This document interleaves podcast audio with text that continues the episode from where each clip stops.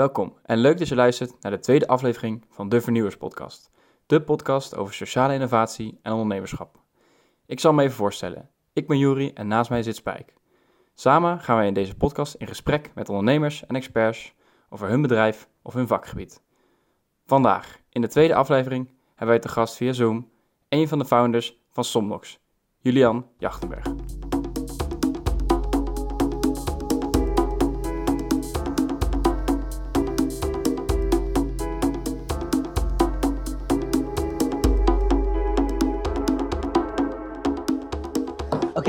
We beginnen met eh, de Speedcast. Dat zijn eh, twaalf korte vragen over wie jij bent, zodat onze luisteraar een beeld krijgt van jou. Ehm, werk je liever thuis of op kantoor? Op kantoor. Met je telefoon betalen of met je pinpas? Pinpas. Een vlieg- of autovakantie? Autovakantie, ja. Carnaval of skivakantie? Skivakantie. iOS of Android? Android. Bellen of appen? Bellen. Frituurpan of airfryer? Uh, ja, gewoon frituur, man. Uh, die airfryer bullshit, dat... Uh, nee. Bier of wijn? Bier. Trein of auto? Trein. koffie of thee? Koffie. Salade of friet? Salade. Netflix of televisie? Netflix. Hond of kat? Kat. Top, dankjewel. Ik, uh, ik hoop dat onze luisteraars nu een, een, een eerste beeld hebben gekregen van wie je bent. Ja, laten we van start gaan met de ja, volgende vraag. Ja, precies. Nou, we hebben even een korte, korte kennismaking gehad, maar we vinden het toch nog uh, leuk toch, om, voor jou te horen, ja, wat, wie ben jij en uh, wat doe je eigenlijk? Yes, um, nou, ik ben Julian Jachtenberg. Ik ben een van de oprichters van Somnox. En dat is een start-up, ondertussen misschien wel een scale-up aan het worden, die uh, mensen beter helpt slapen. En dat doen we met een, uh, met een slaaprobot, die ik ooit heb uh, bedacht aan de TU Delft. Want daar kom ik eigenlijk vandaan. Ik ben een, een techneut, een nerd, die graag robots maakt. En dat is een beetje uit de hand gelopen tot een, nou, tot een bedrijf dat nu internationaal zijn product verkoopt. Ja, heel tof, heel tof. En zou je al nog iets specifieker het product kunnen uitleggen?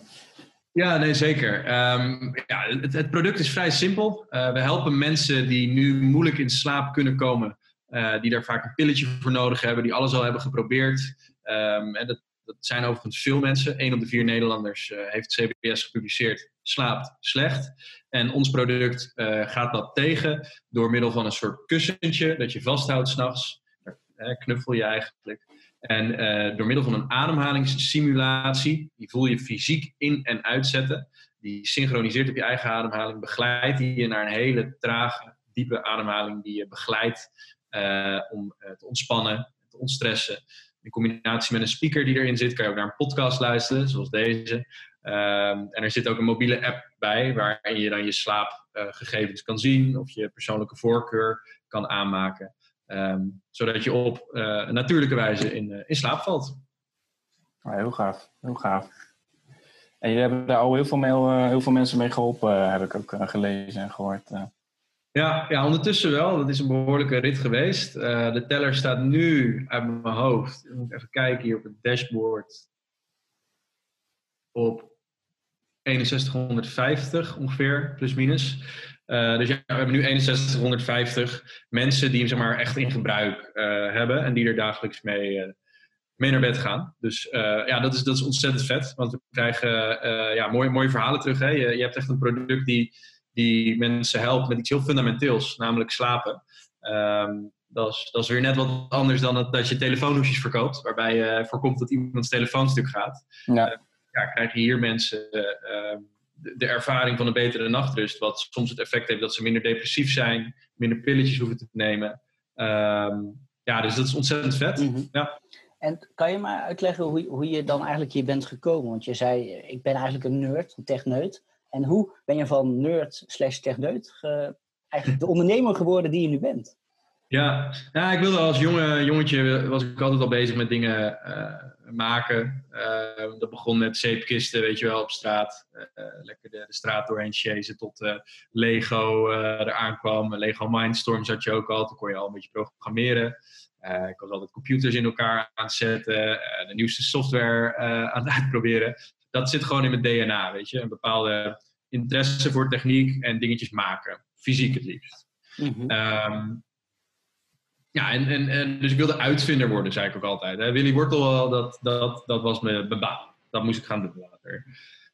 Nou, toen ging ik industrieontwerpen doen. Dat is de studie aan de TU Delft die je zou kunnen labelen als de uitvindersopleiding, omdat die vrij uh, breed is. Maar ik kwam er ook achter dat Willy Wortel, hoe lief hij ook is, zijn uitvindingen kwamen niet verder dan zijn garage.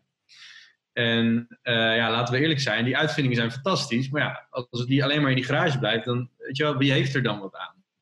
En op dat moment, toen ik me dat realiseerde, toen dacht ik, maar wacht even, wie zet het dan in de markt? Hoe zorg je ervoor dat een uitvinding een product wordt? Dat het naar meerdere mensen kan komen. Dat die waarde van wat jij bedacht de eindklant bereikt.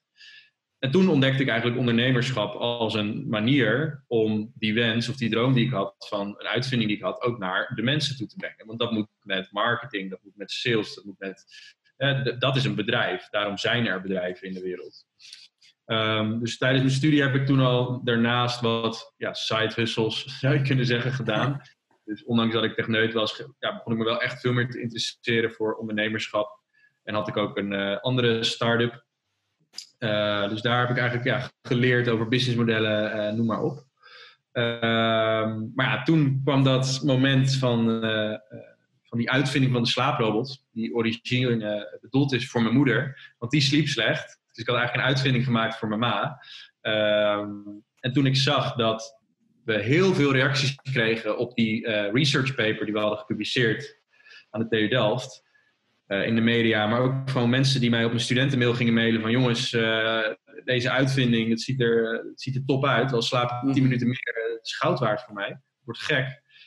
Ja, toen dacht ik wel, oh even, hier is, hier is iets gaande. Dit is niet zomaar een, een uitvinding. Dit is echt iets wat mogelijk zonder marketing al mensen uh, uh, een vraag naar is. Dus per toeval kwam je achter de, de, de, grote vraag die er was, naast je moeder. Ja. Ja, ja, zeker. Het was niet mijn intentie om er een business mee te beginnen in principe. Het was echt om, uh, om moeder te helpen. En gaandeweg kwam ik erachter dat er een hele grote markt achter zat. En toen dus ook besloot van oké, laten we eens wagen om hier een bedrijf van te maken. En dat begon met part-time naast je studie dat doen.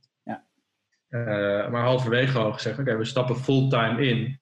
Want het begint te lopen. En uh, ja, zo dus ondernemer geworden zou je kunnen, kunnen zeggen. Ja. En dat punt waarop je dacht, oké, we doen het nu part-time met, met, met het team wat je toen had. Ja. wat was voor jou echt het punt waarvan je dacht, oké, nu ga ik dit fulltime doen? Ja, ik denk een combinatie van het effect dat ik zag bij mijn moeder, die gewoon echt beter ging slapen. En ik dacht, wauw, ja, dit, klinkt een beetje uh, raar misschien. Ik van wow, dit is echt wel heel bijzonder wat we hebben geflikt. ja.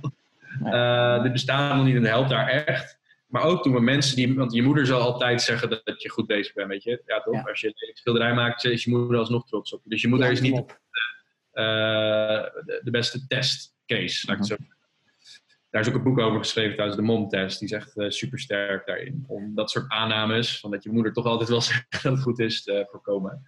Okay. Um, maar ja, het moment dat we dus zagen dat er ook mensen waren die ik totaal niet kende, die niks te maken hadden met mij of het belang hadden om mij te pleasen, dat die ook zeiden, ja, het helpt mij ook. Ja, dat was wel een tipping point, weet je. En in mhm. combinatie met die media die erop dook, want we hadden opeens de Volkskrant uh, die over ons schreef, we hadden de Times in de UK. En ondertussen hebben we veel meer aandacht. Maar je nagaan dat je als studentenproject zoveel aandacht krijgt. Ja, dan heb je wel echt iets van holy shit, uh, I'm onto something, weet je. Dus toen hebben we echt gezegd, oké, als we dit echt willen doen, dan, dan lukt het gewoon niet part-time. Want zelfs fulltime lukt niet, want we hebben een heel team nodig. Het, minimum, het eerste wat wij moeten doen is een fulltime, fully dedicated induiken. En ervan overtuigd zijn dat het gaat lukken. En uh, ome duo uh, je huur laten betalen voor de komende paar jaar. Ja, ome duo uitspelen. Ja, dat hebben we zeker gedaan. nou, een goede optie inderdaad. Uh, vooral als student heb, je, heb je die keuze en de optie mhm. ook. Uh, en het stukje vrijheid wat je ook zegt daarin. Ja, ik denk als, uh, als, onder, als je ondernemerschap overweegt en je bent nu aan het studeren en je hebt een goed idee waar je van overtuigd bent dat werkt, dat is wel een andere randvoorwaarde, dan is het beste moment in je leven om te ondernemen misschien wel nu in termen van risico. Want je hebt geen vrouw, je hebt geen huis, je hebt geen auto, je hebt geen kinderen, je hebt geen hond. Heb je dus al die dingen die normaal als een blok aan je been je verantwoordelijk voelen voor zekerheid. Ja, zekerheid is überhaupt een illusie. De meeste mensen denken, dan ga ik in loondienst.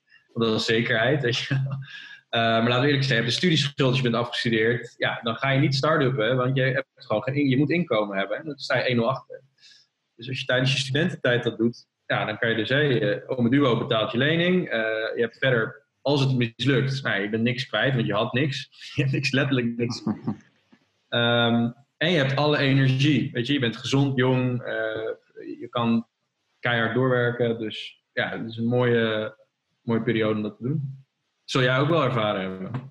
Dat heb ik uh, zeker. Tijdens mijn studie is dat uh, de, de combinatie tussen ondernemen en ehm, studie en doen wat je wilt, is als student eigenlijk ideaal.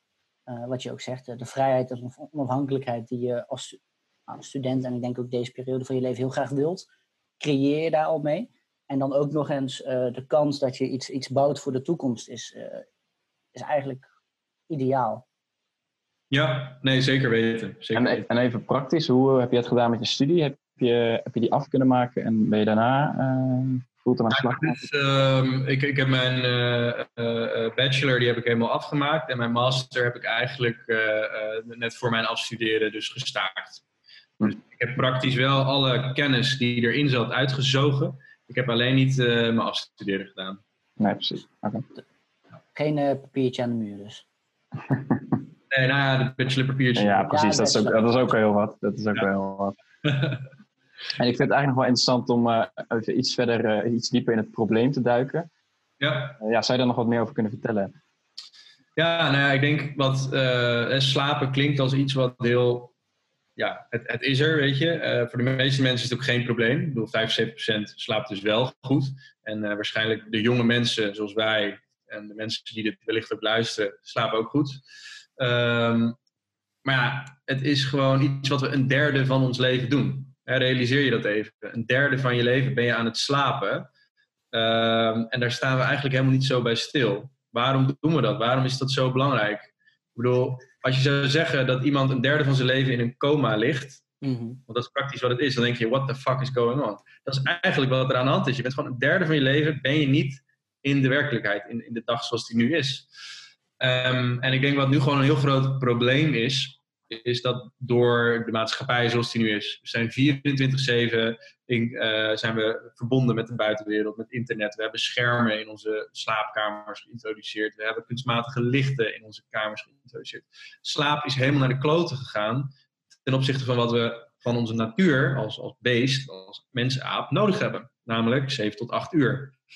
Dus um, de, de, de WHO, World Health Organization, die heeft ook echt uitgesproken dat er dus een, uh, naast het coronavirus, dat dat een pandemie is, dat slaap ook een, uh, uh, ja, een groot probleem is. heeft dat echt als probleem eigenlijk aangekaart, omdat het ten grondslag ligt van heel veel ziektes. Mm-hmm. het, het, ligt ten grondslag van auto-ongelukken. Het ligt ten grondslag van ziekteverzuim op werk, waardoor er miljarden in de economie worden verloren. Uh, dus slaap is, is cruciaal. Net zoals dat je naar de gym gaat om je spieren op te bouwen. Net zoals dat je je, je, je, je voeding goed eet en niet elke dag pizza's loopt te vreten. Dat snappen we wel als mensen ondertussen. Maar dat je acht uur moet slapen, ja, dat is toch vaak een beetje voor de, voor de poesies, weet je. Het, uh, het is zelfs stoer als je tot vier uur s'nachts hebt doorgewerkt. Uh, want dat schuldig eraan. Ja, ja toch? Want dat betekent dat je een interessant leven leidt en, uh, nou ja, weet ik het wat. maar dat is gewoon idioot. Je bent jezelf gewoon kapot aan het maken. Je bent vatbaarder voor ziektes, ook als je jong bent. Dus zeker nu, in coronatijden, slaap gewoon goed. Um, ja, dus het is, het is een heel erg onderbelicht probleem, slapeloosheid zou ik zeggen. En zelfs als slaap je goed, is het vaak onderschat hoeveel uh, beter jij kan worden als jij je slaap wat serieuzer zou nemen. Serieus, je gaat meer kilo's kunnen tillen, je gaat meer dingen kunnen onthouden, je gaat scherper zijn, je gaat ener, uh, energieker voelen. En ik denk dat heel veel mensen dat helemaal niet realiseren en prima tot één uur s'nachts alsnog doorwerken en zes uur opstaan. Dat zoiets hebben van, ah joh, slapen, doe ik als ik dood ben. Je gaat letterlijk dood als je weinig slaapt. Ja, ik Dus- wil het zeggen, want hoe, je, je zegt het is heel belangrijk, maar je zegt dus nu ook, het is zo belangrijk dat als je het niet doet, ga je dus dood. Als ik het goed Ja, begrijp. bij, bij wijze van, ja, absoluut. Ja. Het, is, gewoon een eerste levensbehoefte. En net zoals dat je niet eet, je gaat dood. Als je niet beweegt, ga je ook dood. Eh, dat, dat, het- ja, dus het is heel raar eigenlijk dat heel veel mensen er niet in eh, eh, onderzoek naar doen of in investeren. Eigenlijk heel raar. Ja, Mhm. en het is, het is ook al. ehm, het is eigenlijk. eh, iedereen heeft. ehm, ja, is betrokken bij dit probleem, zeg maar. Iedereen moet, heeft slaap nodig. Dat is ook wel eigenlijk iets bijzonders. Daar zit ik zo even over na te denken. Maakt niet uit of je dik, dun, lang, kort, eh, welke ras je bent of hoe oud je bent. Iedereen heeft slaap gewoon nodig. Ja, Ja. ja. precies. En ik denk ook daarom dat dat, dat dat is gewoon zo belangrijk. En als we het hebben over ondernemerschap, want daar gaat deze podcast natuurlijk ook over. Kijk, ehm, de grootste bedrijven op aarde spelen in op eerste levensbehoeften. Ik bedoel, kijk naar eh, Walmart, kijk naar Ahold Delhaize, de Albert Heijn. Het is boodschappen, is voeding. Is gewoon wat je, je, hebt, je hebt honger. Nou, daar geven mensen, iedereen op aarde, maar ja, dik, dun, lang, geel, zwart, paars, geeft geld uit aan eten. Dat is eerste levensbehoefte. Ehm, beweging ook. Hè? Nou, niet iedereen sport, maar Allah. Een gigantische industrie. Denk aan Nike. eh, we, we snappen hem. Maar slaap. Ja, noem een paar grote spelers in slaap. Ja, je hebt wat matrasboeren. Ja. die goed zijn. Casper. En die doen het ook echt wel goed hoor. Begrijp me niet verkeerd. Maar ehm, daar ligt gewoon zo'n grote kans. En die willen wij graag zijn. Dat wij de grootste speler op een gegeven moment worden. eh, Maar- als slaap. Als eerste. Als ik het goed begrijp, is het ook dat je zegt dat de markt is, is, is eh, zo open. Er is zoveel kansen liggen er ook. Omdat Ja. slapen, alles wat je nu nodig hebt voor slapen, is een bed en een deken en een kussen. Ja. Terwijl het moet heel veel meer zijn, als ik het goed begrijp. Ja en nee. Er zit een bepaalde eh, eh, paradox in wat ik, wat ik zeg. Want eh, ehm, eh, slapen moet ook niet moeilijker zijn dan een bed, een matras en een, en een kussen. Het probleem is alleen, zoals ik ook al eerder aangaf, dat de maatschappij zoals die vandaag is, met 24-7 eh, eh, connected zijn, komst van het internet, hoge werkdruk, kenniseconomie. Eh, nou ja, dus er zijn er tal van andere redenen die hebben ervoor gezorgd dat een bed en een matras niet meer genoeg zijn. Dus er is een nieuwe need ontstaan om ervoor te zorgen dat we wel die slaap kunnen krijgen. En of dat met producten moet worden opgevangen, dat is de vraag. Het kan ook met kennis en met, met, met services. Mhm. Uh, misschien moeten we bijvoorbeeld wel onze kinderen op de basisschool gaan leren slapen. Ik bedoel, we krijgen wel bij biologie de schijf van vijf en gymles, maar geen slaaples. Ja. De oplossing wel daar? Mhm. Want wat bieden, bieden jullie ook nog iets meer aan dan alleen je product? Ja, op dit moment hebben we eh, dus de innovatie, de slaaprobot. En zijn we nu ook een webwinkel aan het bouwen met andere eh, slaapproducten.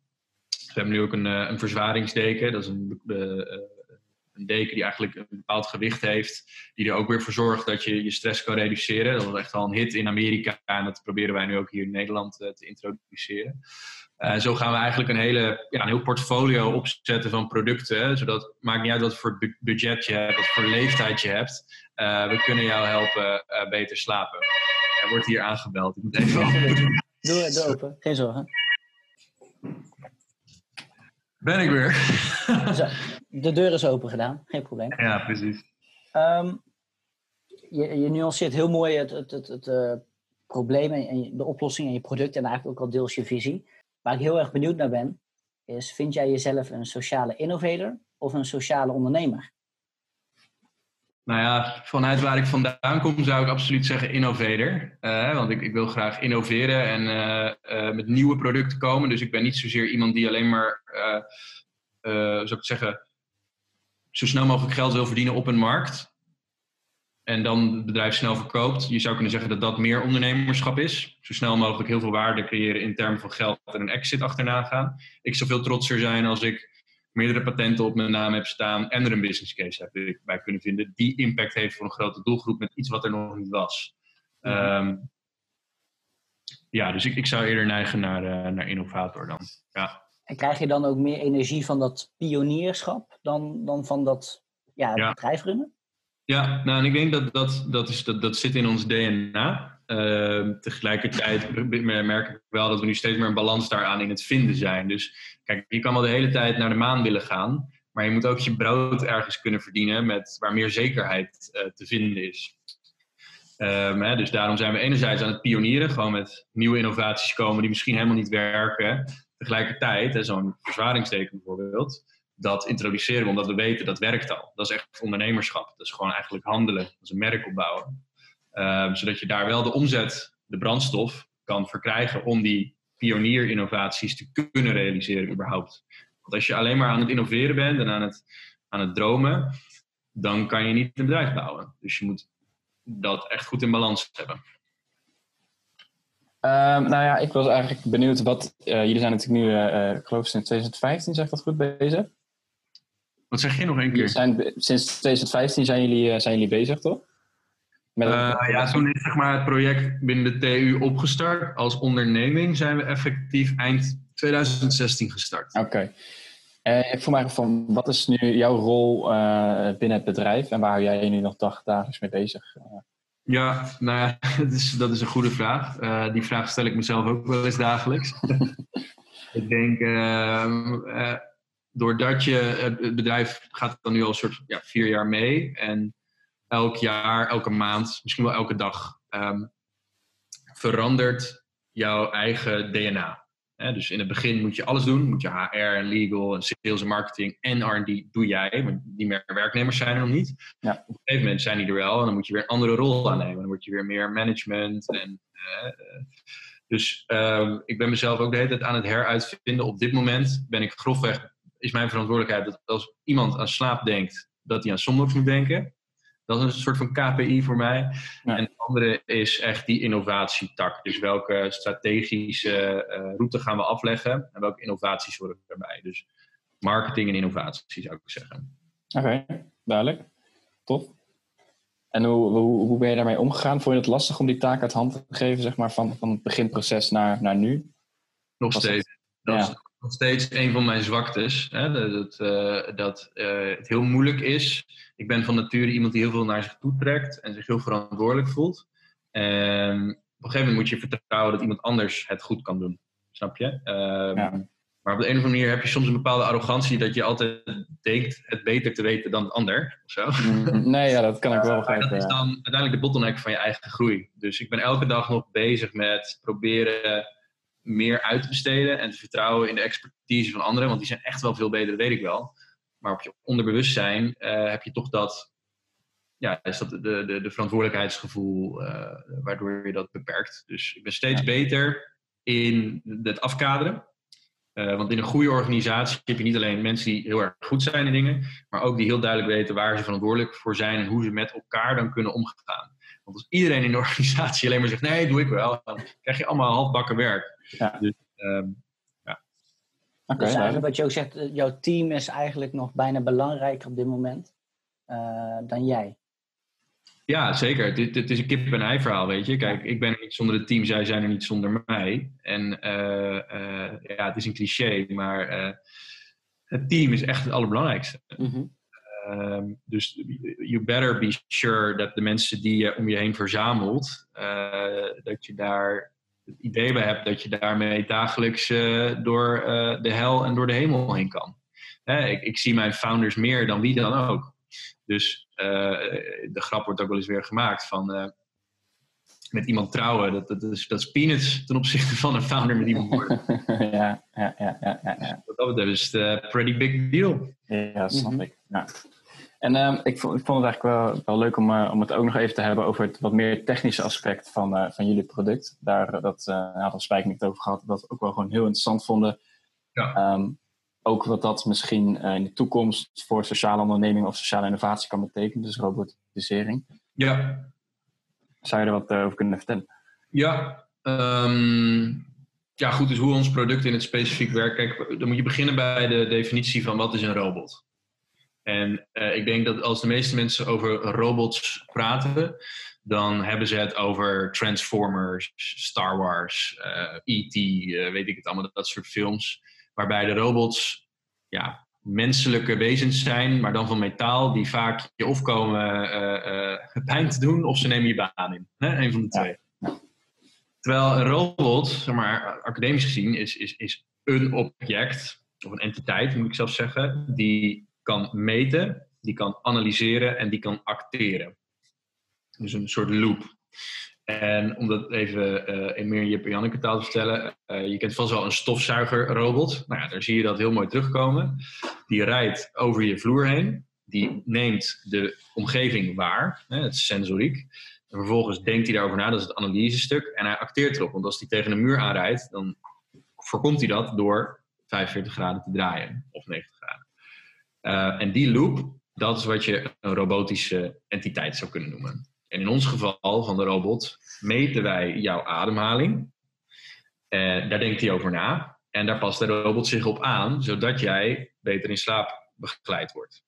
En dus daar heb je ook weer een, een feedback loop. En uh, daarmee kan je dus veel meer dingen die om je heen nu zijn, in principe een robot benoemen. En ik denk dat het heel krachtig is, ook voor andere mensen die dit nu luisteren, om te kijken hoe zouden jouw producten zo'n feedback loop kunnen krijgen.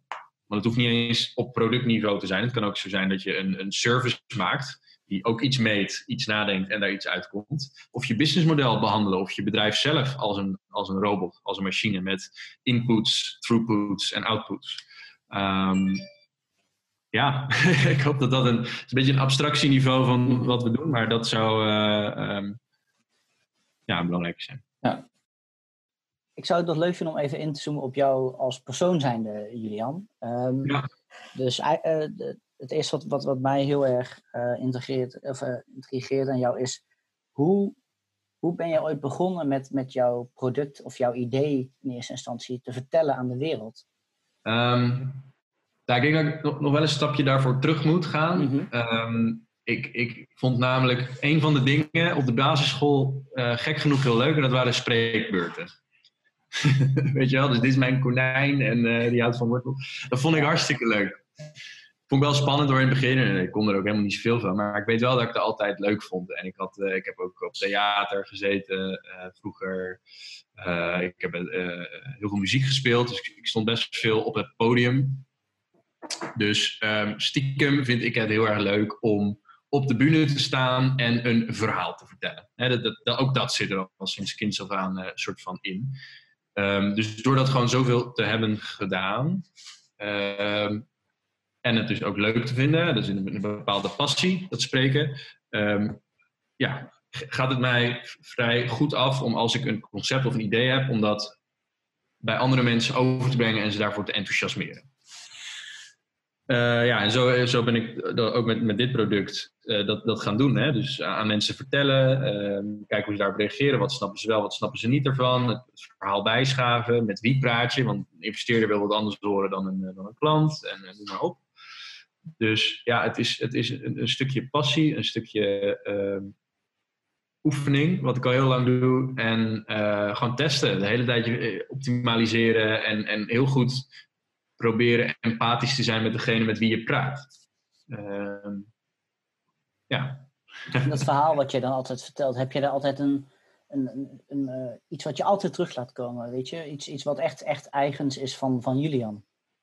Ja, nee, zeker. Ja, dat is mijn moeder. Hè? Dus uh, wat je hier ook hoort, kijk, ik, ik heb dat verhaal denk ik echt, uh, nou ja, het zal geen miljoen zijn, maar ik heb het echt heel vaak verteld.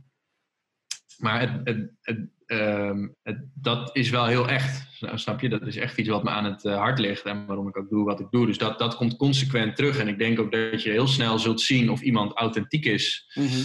ja of de nee, afhankelijk van zijn verhaal. Uh, want als je niet affiniteit hebt met het probleem dat jij oplost met jouw product of service, ja, wat mij betreft uh, gaat het dan niet worden. Je moet een bepaalde inlevingsvermogen hebben voor degene waarvoor je een probleem oplost. Dat, het moet bij je liggen, het moet in je persoon liggen. Het moet, en dat is in dit geval dus iemand die ik heel erg lief heb. Ja. Mama, uh, die, die, had het probleem. Dat, dat, komt consequent terug. En dat is ook de reminder voor mezelf. Van ja, ik kan veel meer moeders helpen. van. dat is ook echt wel mijn drijf. Het maakt niet uit wat er, wat er komt. Uh, want er zijn heel veel tegenslagen uh, die je door moet. Dat is wat telkens terugkomt. En dat is wat authentiek is. Dat, is, mm-hmm. dat maakt mij mij en dat maakt mij uniek. Uh, dus ja, dat laat ik naar voren komen. Ja, en je zei net ook, uh, daar, daar, weet je, daar, dat, dat dat je drijft. Dus is dat ook iets waar je echt gelukkig van wordt? Die mensen helpen? En dan in, Ja, dat- eerste instantie... Dat is eh, eh, zeg maar mijn, eh, mijn purpose in life. Hè, zeg maar, hoe moet je dat zeggen? Mijn, mijn zingeving eh, Ja. in het leven is uiteindelijk om inderdaad met innovaties, producten of services, eh, de wereld een beetje mooier maken. En dat is eh, in dit geval dus slaap. En ik eh, ga me de, de komende jaren daar ook nog zeker eh, mee bezighouden. Want is wat- waar we het begin over hebben gehad, slaap, daar ligt nog zoveel kansen. En daarmee kan je ziektes voorkomen. Je kan de economie beter maken. Je kan auto-ongelukken voorkomen. Mhm. Ja, als ik daar een eh, steentje aan heb kunnen bijdragen. en dat we over 50 jaar eh, kunnen zeggen: ja, eh, eh, we we hadden Elon Musk met een elektrische auto. Maar wacht even, we hadden ook eh, slaap was opeens. Ja, ja, ja. ja. Mr. Ah, Sleep. Ja, weet je, dat lijkt mij eh, ontzettend gaaf. Dat, Mhm. eh, dat, eh, dat maakt voor mij het leven leuk. Daarvoor word Ja. ik wakker. Mhm. En de, de, de, de, ehm, ik heb jou ooit leren kennen, Julian, bij eh, de GSEA, het, eh, Ja. de Global Student Entrepreneur Awards hier in Nederland. en klopt. ehm, toen was je daar volgens mij ook, ook met, met jouw founders en met jouw team.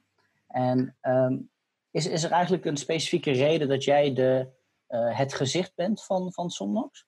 Of, of is dat zo ontstaan? Nou, dat is denk ik zo ontstaan en op een gegeven moment ook wel zo bepaald. Kijk, ehm, ik denk dat je, eh, elk bedrijf moet een gezicht hebben. Je hebt een bepaalde consistentie.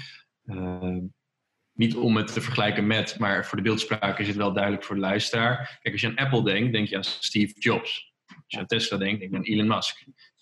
Microsoft, Bill Gates, noem maar op. Er moet een bepaalde, er moet een gezicht aan zitten, een verhaal, een persoonlijk verhaal. En dat, uiteindelijk zijn wij als mensen allemaal eh, eigenlijk kinderen, want we houden van verhaaltjes. Dus als je telkens een ander karakter hebt in, in, in, in, de, in dezelfde Disney-film, ja, dat, dat is heel weird. Mhm. Dus eh, dit, dit is, ja, één, ik ben gewoon degene die er het meest vaardig in is van de founders. Dat is een van de belangrijkste redenen. Best belangrijk. En twee, als merk willen we gewoon een consistent verhaal naar buiten brengen. En eh, eh, ben ik dus degene die dat doet. En als je kijkt, hè, je, je noemt de, de grote namen, Elon Musk, Bill Gates, eh, dergelijke. Ehm, is het jouw droom om de volgende in het rijtje te zijn? Nou, dat, ja, Ja, sowieso. ja dat is wel tof. Ja. Het eh, lijkt me super vet. En ik eh, doe er ook alles aan dat dat gaat gebeuren. Kijk, het is een droom. Maar eh, ik denk dat je altijd groot moet dromen. En ik denk echt dat het mogelijk is. Dus eh, eh, eh, dat kan heel, heel arrogant overkomen. eh, maar het is gewoon een ambitie en een droom. En als het niet lukt, dan lukt het niet. Maar ik heb in ieder geval mijn best gedaan. En het is voor mij een soort van. Het gaat me ook niet om dat zij zeg maar, bekend zijn in de media. Eh, het gaat mij veel meer om de impact die zij heel concreet hebben achtergelaten. Dus, Ja. ehm, ook op echt op een hele grote schaal. Iedereen heeft een computer nu thuis. Eh, de iPhone, je kijkt ergens, hij staat er. Je kijkt nu in je straat, er staat een Tesla-auto op de parkeerplaats. Ik wil gewoon dat waar ik ook kom, dat gewoon in elke slaapkamer, dat ik weet, daar ligt zo een product van ons. Nou, dat, dat gaan we gewoon doen. Ja. En die, die mensen zijn natuurlijk allemaal door iemand geïnspireerd. Eh, heb jij ook iets of iemand die jou heel erg inspireert? Ja, ik denk eigenlijk die, eh, die namen die we zojuist noemden, dat zijn wel een paar van die clichés eh, die, die, die mij absoluut inspireren. Dus eh, Elon Musk, ja, weet je, het feit dat hij ook nog leeft helpt mee. Mhm. ja, inderdaad. Want ja, da- daardoor is hij ook in deze tijd inspirerend. Want ik heb eh, bijvoorbeeld eh, Nikola Tesla, dat, dat soort gasten, dus dat is ook ontzettend gaaf. Maar dat is in de geschiedenis heeft dat plaatsgevonden en is wat dat betreft niet meer relevant of inspirerend voor de tijden waar wij nu in leven. Maar het feit dat Elon Musk nu bijvoorbeeld van al die auto-onderdelen beademingsmaskers aan het maken is, ja, dat is fucking vet. En dat hij Twitter gebruikt om de hele journalistiek op zijn kop te zetten, Mhm. dat is onwijs gaaf. Eh, maar een paar andere die even wat minder typisch zijn, die niet in het cliché-rijtje eh, passen. Eén daarvan is eh, Naval Ravikant. Dat is oprichter van, eh, nou ben ik even de, de naam ervan kwijt. Zo, gaat lekker. Ehm, eh, eh, maakt even niet uit. Angelist, sorry, Angelist. Dat, dat is dus waar alle startups op staan gerankt. En wat ik heel inspirerend vind aan die man is Hij is een Indische, uh, van Indische afkomst, is in New York opgegroeid, want ze zijn erheen gevlucht. Hadden helemaal niks in, in Brooks. En ja, hij verveelde zich helemaal de, de pleuris, want zijn moeder moest keihard werken. En hij zat alleen thuis zonder oppas. Dus wat ging hij doen? Hij ging in de public library, ging hij alle boeken lezen. Nou, die man is waanzinnig uh, slim en intelligent. Um, maar heeft ook heel erg, naast dat hij onwijze successen heeft geboekt in de, in de techwereld, want hij heeft mhm. onder andere geïnvesteerd in Uber en Facebook en Twitter. Nou ja, dan snap je wel uh, hoe groot de baas dit is, zeg maar. Zeker. Uh, kent bijna niemand hem en is hij dus heel bescheiden en humble en filosofisch over het leven. Um, dus dat vind ik heel vet aan die, die man. Dat hij dus van helemaal niks, hij komt echt van de bottom, komt hij gewoon uit de sloppenwijken van India self-made man. Want Elon Musk en Bill Gates zijn dat zeker niet. Hè? Die hebben echt uh, wel uh, bepaalde ouders, zeg maar. Dus die hebben een andere mentaliteit meegekregen. Ja. En dat hij gewoon van niks iets heeft gemaakt. En dan ook nog bescheiden blijft. En heel erg de dingen waardeert in het leven die geen geld kosten. Zoals liefde, familie en vrienden. En niet tentoonstelt van uh, wat voor mooie auto die rijdt. Nou, ja. dat is inspirerend. Ja, dat is, kan ik goed begrijpen. Ja, goed voorbeeld. Vet. Um, nou, we hebben eigenlijk nog een, eh, een, een, naar een kleine afronding toe. Ik vind het interessant om te weten, hoe ga jij om met uh, tegenslagen? Hoe ga ik om met tegenslagen? Ja, hangt er heel erg vanaf wat de tegenslag is. Uh, ja, dus dat, dat, dat is ook een, brede vraag. Um, ik heb sinds kort ben ik heel erg bezig met de filosofische stroming stoïcisme. Uh, dat is van de oude Grieken met Marcus Aurelius Epictetus en uh, dat, dat soort uh, gasten. En um, waarom benoem ik dit nu? Hè? Want ik wil echt niet filosofie nu prediken. Maar dat mm. geeft, die stroming geeft mij wel de handvaten, of de handvatten, om om te gaan met turbulente situaties of tegenslagen. Want de meeste mensen denken bij stoïcisme aan mensen die stoïcijns zijn, hè, die pokerface hebben en uh, geen emotie tonen. Dat, dat is het niet. Dat is, dat, dat, nee, dat is niet de goede definitie van. Um, dus nou, heel concreet, hoe ga ik ermee om? Vanuit dat gedachtegoed van de sto ja. stoïcisme is de locus van controle. Is een van de gereedschappen die zij bieden. En dat is dat je bij jezelf afvraagt, waar heb ik invloed op? Bijvoorbeeld dat de zon opkomt. Ja, daar heb ik helemaal geen invloed op, geen controle. Dus waarom zou ik me in hemelsnaam daar druk op maken? Waar ik me wel druk op kan maken, waar ik wel invloed op heb, is of ik een zonnebril opzet die dag is hetzelfde met een tegenslag. Hè. Stel, nou, er is nu corona, hè, dat is ook een tegenslag. Een mooi voorbeeld. Mhm. Ik heb geen invloed op het coronavirus en hoe het zich verspreidt en wat voor impact het gaat hebben op de economie. Kan ik letterlijk niks aan doen. Dus waarom zou ik me daar zorgen over maken? Dat, dat is zonde van je tijd en energie. Waar ik wel controle op heb, is hoe reageer ik daarop als bedrijf? Hoe, wat doe ik met mijn marketing? Wat doe ik met mijn product? Hoe kan ik zinvol zijn voor andere mensen?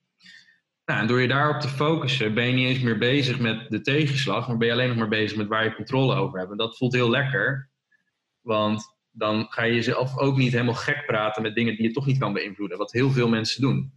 Ja, heel veel mensen die zijn bijvoorbeeld heel erg bezig met wat anderen van, zich van hun denken. Dat, dat, dat, heel Instagram is daar het levende bewijs van. Ja, precies. Mhm. Terwijl je kan helemaal niet beïnvloeden hoe mensen over je denken. Ja, het kan wel door fake te doen en bepalen, dat is gewoon propaganda. Um, maar waarom zou je dat willen? Zeg maar dat, dat is helemaal niet. Dat is, dat is heel eindig. Ja. Dus, ja, het, wordt, het wordt een beetje filosofisch dit, maar mm -hmm. uh, uh, ik, ik, raad jullie allemaal aan om, uh, om je te gaan verdiepen in stoïcisme. Nou, goede tip. En het tegenovergestelde van, van de tegenslag is natuurlijk is het, het vieren van mooie momenten. Ja. Ik denk dat veel mensen dat ook uh, onderschatten hoe belangrijk het is om soms stil te staan bij, bij wat je hebt bereikt. Zeker. Uh, doe jij dat nog op bepaalde manieren of, uh, of, of, doe je dat? Ja, ja absoluut. Ik denk eh, dat het ook heel belangrijk is om, om ook kleine dingen te vieren.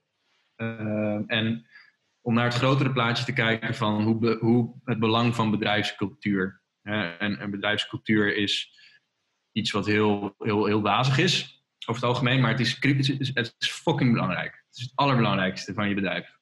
Uh, de bekende quote, culture eats strategy for breakfast, is gewoon waar. En mensen die bij een cultuur passen, die voelen zich als een vis in het water en, en andere mensen totaal niet. Nou, een van onze kernwaarden, dat is een manier waarop we cultuur definiëren, Uh, ik, geef heel veel informatie, misschien ga ik iets te snel, maar een van die kernwaarden is be a pro sports team. Dus we behandelen elkaar alsof we een, uh, het Nederlands elftal zijn. dus dat betekent, je moet resultaten maken.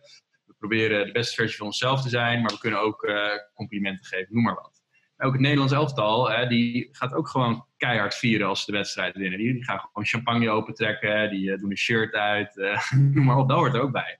En door dat als beeldspraak heel duidelijk te definiëren, want dat is een kernwaarde van onze cultuur, proberen we eigenlijk op, op wekelijkse basis te kijken van oké, wat kunnen we vieren? En dat kan zijn van, uh, nou, we vieren dat we allemaal gezond zijn, of we, we, mhm. vieren dat we een nieuw kantoor hebben, of dat iemand een kindje heeft gekregen. Ja. En wat, is, jullie laatste, wat is jullie laatste viering geweest, dan als ik vraag mag? Um, de introductie van uh, de nieuwe strategie. Ja, okay. dus we hebben eigenlijk de, strategie voor de komende twee jaar uh, verkondigd. En die, dat hebben we met z'n allen gevierd. Ja. Met champagne. We doen het altijd met champagne. dat is echt goed. Dat houdt het ook gezellig inderdaad. als je wekelijks een glas champagne kan drinken. Ja, ja, dat is ook wel een manier hoe je mensen aan boord houdt, misschien zelfs. Ja. ja, ja. Kijk, ergens is het de grootste bullshit, hè, champagne. Want het is gewoon een soort van dure vloeistof met bubbels.